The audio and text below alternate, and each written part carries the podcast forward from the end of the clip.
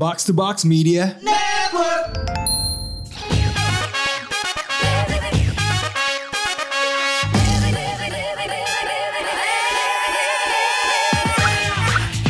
Selamat datang kembali di Otaku News, segmen berita Otaku Box yang dibawakan oleh dua wibu, yaitu Pikir Alam Syah.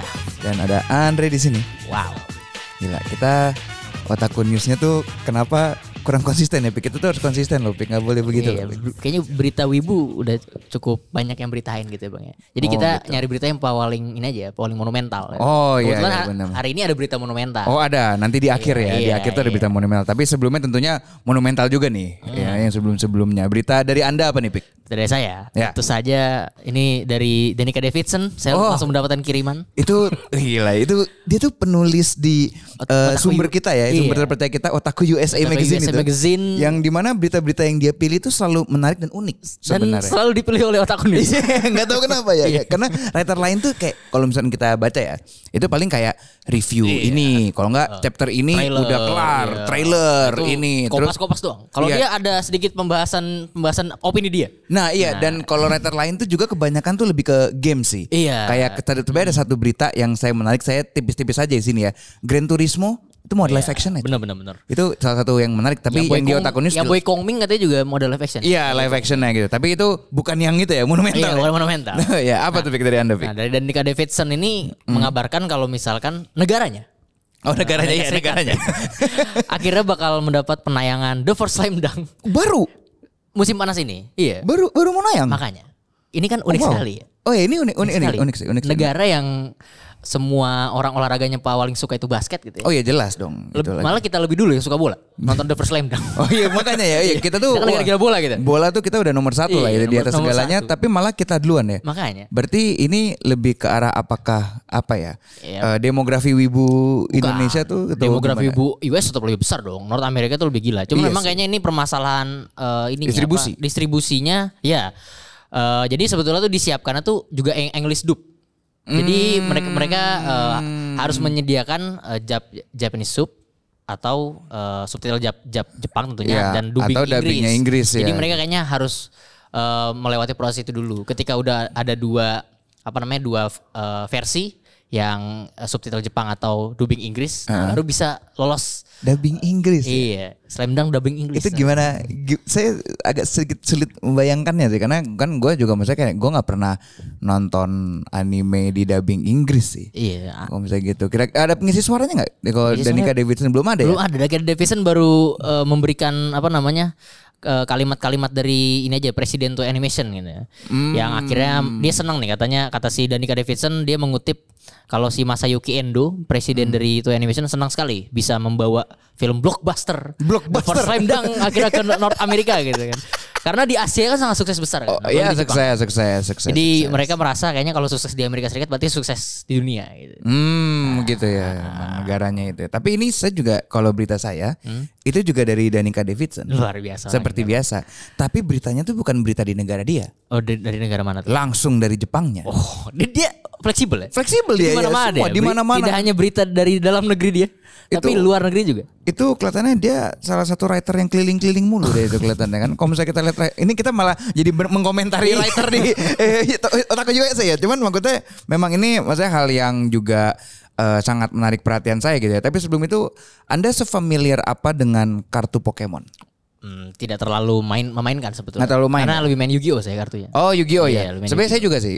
Sebenarnya juga. Cuma maksudnya eh, saya tuh mengenal eh, Pokemon card ini tuh sebenarnya diawalinya itu eh maksudnya ya tau lah kita di warung-warung Iya, gimana iya, gitu iya, ada gitu kan. Tapi yang mulai saya lebih kayak mempelajari value Hmm. dari sebuah kartu itu ketika saya nonton YouTube. Jadi ada Oke. Hmm. YouTuber tuh eh, Reinhardt namanya.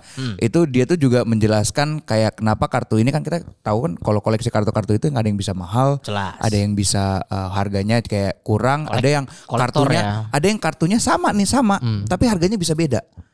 Gitu banyak lah yang kayak gitu-gitu dan itu gue pelajari dari YouTube itu. Nah eh balik lagi tadi kenapa saya tadi omongin kartu Pokemon karena eh, ada beberapa toko di Tokyo Hmm. ya di Jepang itu yang mereka jika ada eh, versi baru lah kartu baru atau pack baru kan itu ada pack kan ada pack-packnya apa aja itu mereka hanya membolehkan yang beli duluan itu anak umur 15 tahun di bawah. Oh jadi bapak-bapak, om-om, anak Nggak boleh. dewasa nggak boleh orang dewasa Mau dia dengan alasannya, oh ini saya beliin buat anak saya, mereka nggak bolehin. boleh. Hmm, jadi- Karena mereka itu eh, sangat eh, memfilter adanya scalpers, jadi kayak reseller gitu. Oh jadi takut ada maklar-maklar Iya, ini karena ya. karena lagi marak nih scalpers nih Iya, kan di iya, dunia iya, kartu eh, Pokemon ini dan di mana mereka tuh kayak apa ya? Ya karena kan mereka yang lebih tahu value-value-nya ya. Jadi kayak Iya. mereka langsung beli borong banyak. Hmm. Habis itu kartu-kartu nanti yang mereka dapat mereka opening Yang rare, yang, yang rare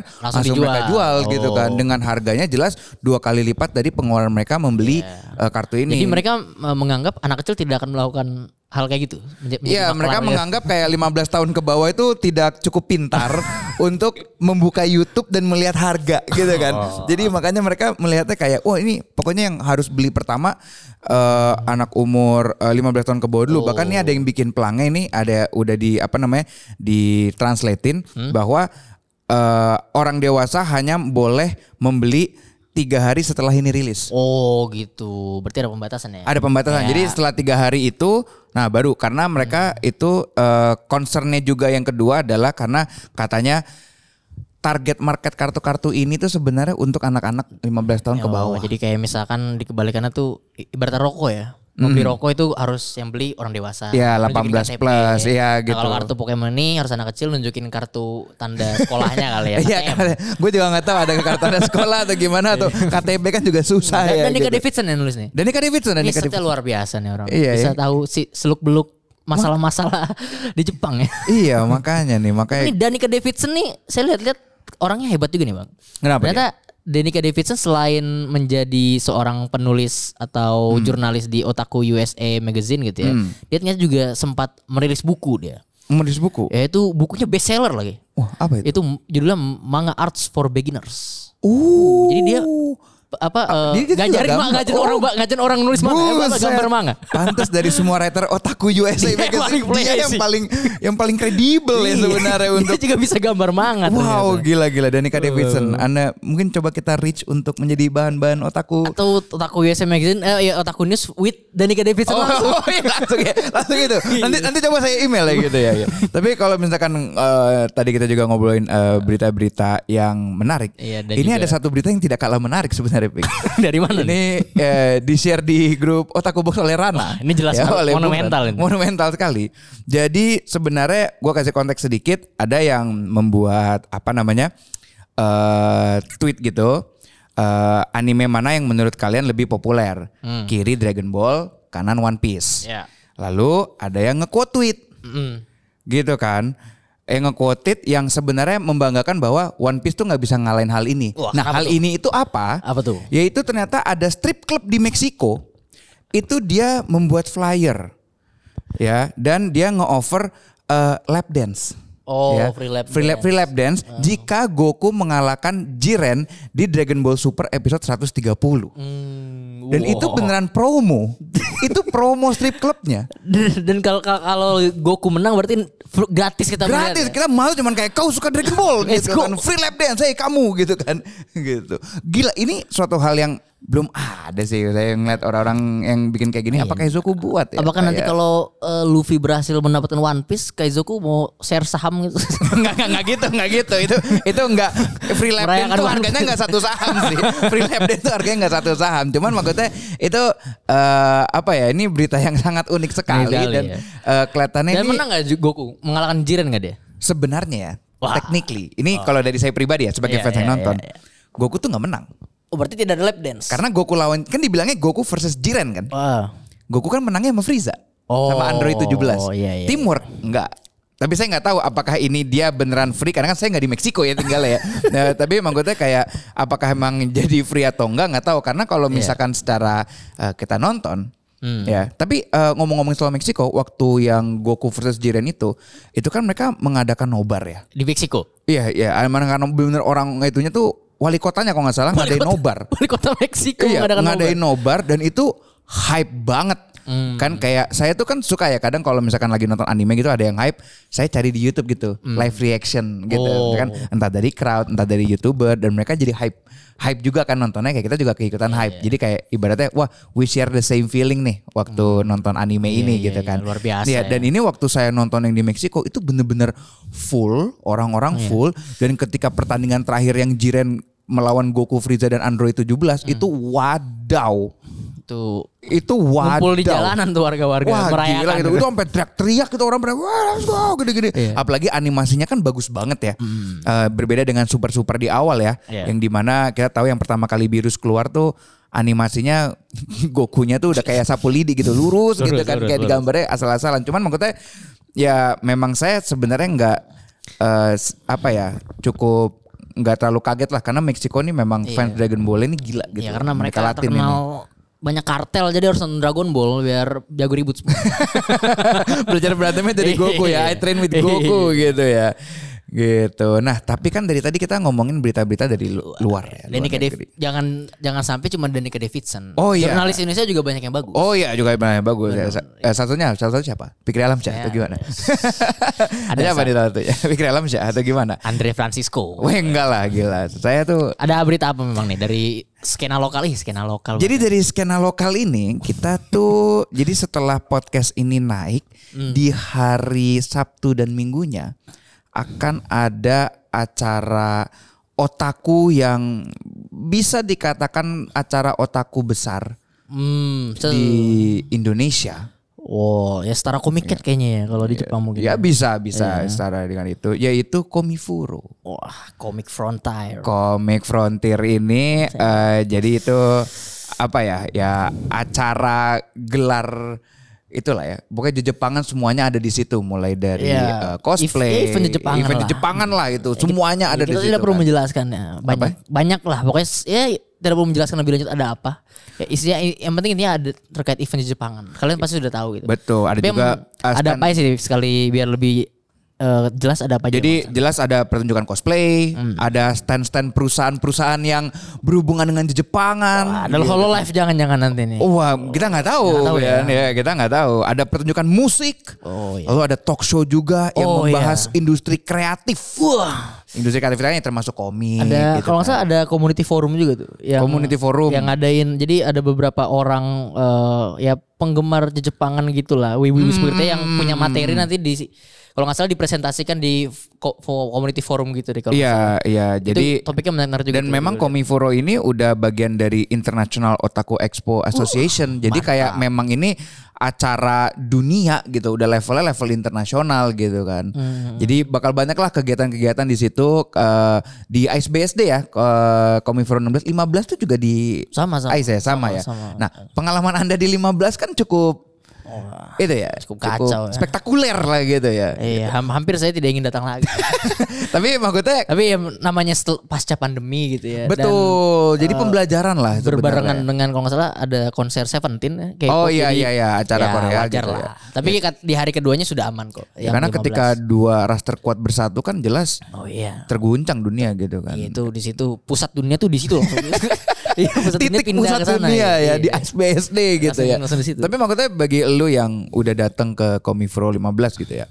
Harapan lu nanti yang mau lu dapatkan di Komifro 16 tuh apa itu? Kayak pengalaman apa atau perubahan apa yang terlihat gitu loh dari Komifro 15 kayak oh ya ini mereka melakukan hal ini tuh lebih baik di Komifro 16 ini gitu. Sebenarnya sih eh, terkait is- isi konten sih nggak ada ya. Oke. Eh, ya palingan eh, venue-nya ya semoga karena tahun lalu sudah jelas kan kekurangan hall. Iya iya ya iya. waktu iya. itu pas dibuka eh, hari keduanya tuh udah lumayan lancar lah. Iya iya lumayan aman hari lancar. hari Ah. Minggu kalau nggak salah gitu kan ya balik masalah teknis-teknis aja lah. Teknis Kalau ya isi soalnya konten. Komifuro udah top banget sih. Konten tuh udah nggak perlu dipermasalahkan ya. Yang penting tuh kayak mungkin koordinasi antar eh, apa namanya eh, apa eh, orang-orang yang Iya, masuk dan juga panitia, panitia. panitianya gitu kan. Eh, teknis-teknisnya lah gitu. Dan juga ada hal yang menarik nih. Apa tuh? Ada satu booth yang sangat ditunggu-tunggu nih kelihatannya. Dit- Ditunggu-tunggunya antara ditunggu-tunggu untuk melihat talent-talentnya atau ditunggu-tunggu untuk dibom di situ. Kita nggak tahu. Ya itu Ya, ini- tapi ada intinya kita datang juga kan gitu. kita datang kita datang hari? Minggu ya. hari gitu minggu ya? hari minggu Kita hari minggu otak box datang cuman ini Tapi satu kita satu stand ini loh Tapi kita datang kayak pakai tameng gitu. antara Full tameng, uh, full full armor gitu ya Full kita armor, apa ya gitu. namanya pakai pedang apa segala macam udah kayak lagi mau berperang di Dungeons and Dragon gitu kan jadinya cuman maksudnya ada satu stand nih yang Iya. paling stand gitu loh yang punya kekuatan Jojo ya. iya, stand ya. iya. Iya, iya. antara dia bakal yang ditunggu-tunggu karena talent-talent yang datang kayak seperti tadi saya bilang atau udah disiapkan nuklir untuk dihancurkan standnya Atau gitu. benar-benar jadi pusat dunia itu ya. Pusat keributan dunia. ya kalau kalian kita tadi sambil ketawa-ketawa kalian tahu lah itu lah, ya. stand upan kalian juga bisa lihat eh, Instagramnya beliau gitu ya untuk karena sudah di posting juga gitu dan banyak juga eh, stand-stand lain lah Ya, gitu. Kunjungi stand-stand dia dan juga stand-stand lain lah. Iya dan bagi Banyak kalian juga mungkin yang suka yang kayak apa namanya eh, VTuber eh, dunia Eh, perfituberan live music juga bakal ada VTuber VTuber lokal yang bakal launching loh Ini dia nih. di Komiforo 16 VTuber lokal benar-benar lokal pride loh ini kita. Ini gitu. dunia digital sudah memasuki skena lokal ya. Iya iya iya biasa. gitu. Eh, maksudnya ini juga apa namanya banyaklah nanti hal-hal baru yang berhubungan dengan eh, skena Jepangan di Indonesia yang memang sekarang tuh kita kita itu lagi kembangkan gitu. Lagi rame juga. Iya nggak cuman nggak cuman yang kayak musik atau apa, tapi yang benar-benar niche kayak VTuber kayak Hmm. Iya. segala macamnya itu ada gitu manga gitu kan, eh, writer-writer baru, eh, apa namanya penggambar-penggambar Cosplay baru, semakin rame juga. Hmm. cosplay juga, rame kan kita juga pernah undang tuh eh, Sora Hiro Sora kan, Hiro. dia kan salah satu itu, mungkin dia juga ke ke Komifuro sih dia itu. Oh, Kayaknya kan. sih Komifuro ya. Iya, jadi eh, untuk kalian yang mendengar ini sampai Ketemu bertemu di, di Komifuro. Komifuro.